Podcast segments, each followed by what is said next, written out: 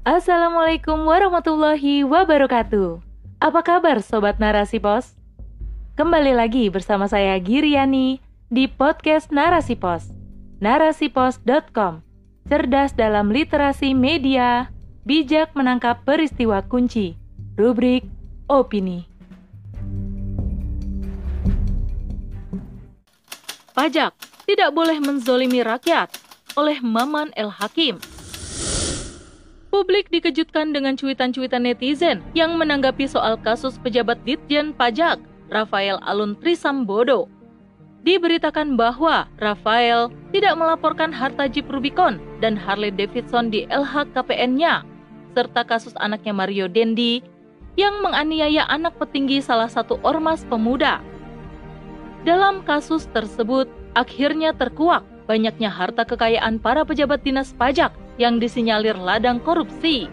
Mengutip berita CNN Indonesia.com, laporan harta kekayaan penyelenggara negara atau LHKPN Komisi Pemberantasan Korupsi atau KPK tercatat harta kekayaan Dirjen Pajak Suryo Utomo pada 2017 mencapai 6,13 miliar.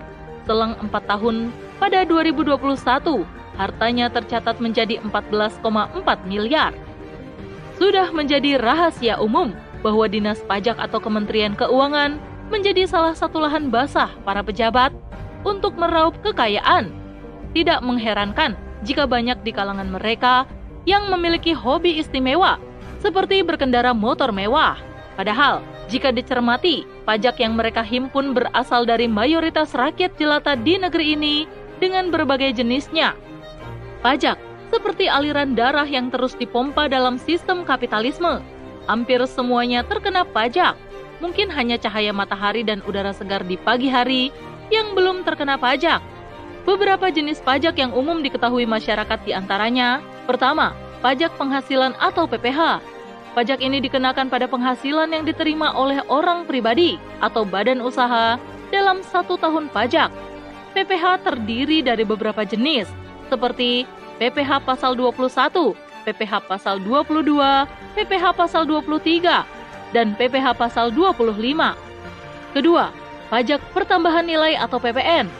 Pajak ini dikenakan pada barang dan jasa yang dikenai PPN dalam setiap tahap produksi atau distribusi. PPN dikenakan oleh pelaku usaha yang memiliki omset tertentu.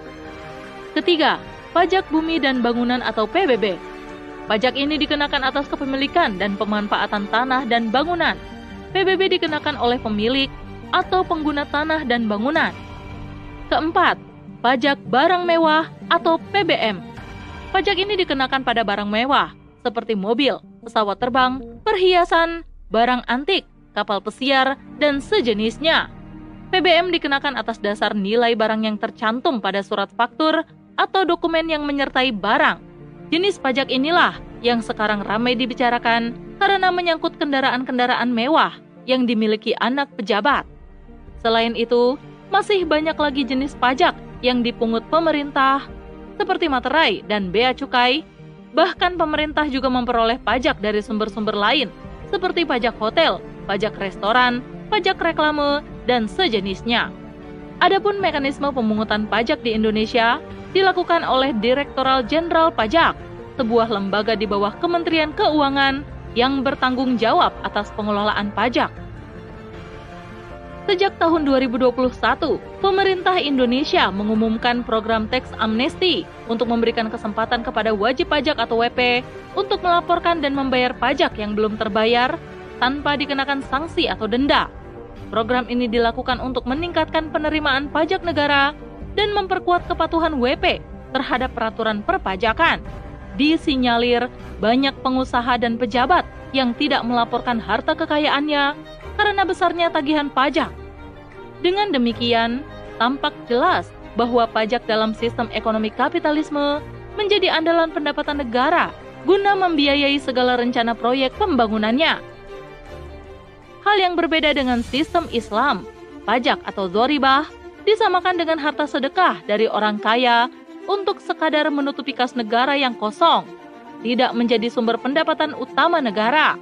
Fungsi pajak dalam sistem Islam dianggap sebagai instrumen untuk membangun kesejahteraan sosial dan mengurangi kesenjangan sosial. Pengumpulan dan penggunaan pajak juga diatur dengan ketat. Pajak harus dikumpulkan secara transparan dan digunakan untuk kepentingan umum seperti pembangunan infrastruktur, kesehatan, dan pendidikan.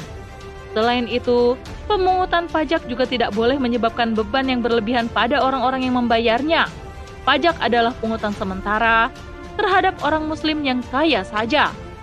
Sebenarnya, masih banyak istilah lain berkenaan dengan sistem keuangan dalam Islam, semisal zakat, yang dalilnya, ambillah zakat dari sebagian harta mereka untuk membersihkan dan mensucikan mereka. Quran Surah At-Taubah ayat 103 Selain itu, bagi mereka non-muslim yang hidup berdampingan dengan negara Islam, dipungut jizyah.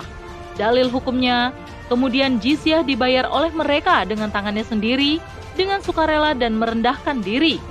Quran Surah At-Taubah ayat 29. Terhadap harta rampasan perang atau gonimah, harta penemuan atau rikas, juga dikenakan pungutan yang dinamakan humus. Dan ketahuilah bahwa apa saja yang kamu peroleh dari rampasan perang, maka sesungguhnya seperlimanya untuk Allah, Rasul, kaum kerabat, anak-anak yatim, orang-orang miskin, dan orang-orang yang dalam perjalanan. Quran Surah Al-Anfal ayat 41 Dengan beragamnya sumber pendapatan tersebut, pajak termasuk salah satu solusi terakhir yang dibebankan pada kaum muslim ketika kas negara benar-benar kosong. Sebagaimana diketahui dalam sistem khilafah, keuangan negara berpusat pada Baitul Mal yang terdiri dari pos penerimaan dan pengeluaran. Menurut Abdul Qadim Zalum, dalam buku Sistem Keuangan Negara Khilafah, disebutkan bagian yang berkaitan dengan penerimaan atau pemasukan kas negara adalah jenis harta yang berasal dari zakat kaum muslim, jizyah, dan non-muslim, dan hasil pengelolaan harta milik umum yang dikelola oleh negara untuk kemaslahatan seluruh rakyat, baik muslim maupun non-muslim. Sedangkan bagian pos pengeluaran adalah berkaitan dengan harta yang dibelanjakan dan seluruh jenis harta yang harus dibelanjakan. Semisal harta untuk para mustahik zakat dan harta yang sifatnya pemberian dari negara untuk seluruh rakyat. Semisal subsidi dan manfaat lainnya dari harta yang dikelola negara.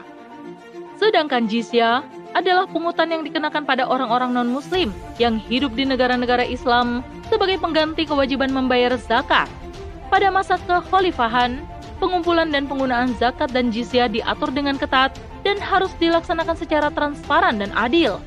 Dana yang terkumpul dari zakat dan jizyah harus digunakan untuk kepentingan umum seperti pembangunan infrastruktur, kesehatan, dan pendidikan, serta untuk membantu orang-orang yang membutuhkan. Adapun doribah adalah pajak yang diambil dari kaum muslim yang memiliki kelebihan harta setelah mereka mampu memenuhi kebutuhan dasar dan pelengkapnya secara sempurna, sesuai standar hidup tempat mereka tinggal. Pajak tidak dipungut kepada mereka yang tidak memiliki kelebihan harta.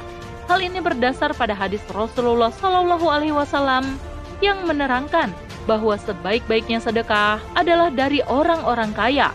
Hadis riwayat Al Bukhari melalui jalur Abu Hurairah. Wallahu a'lam bishawab. Wassalamualaikum warahmatullahi wabarakatuh.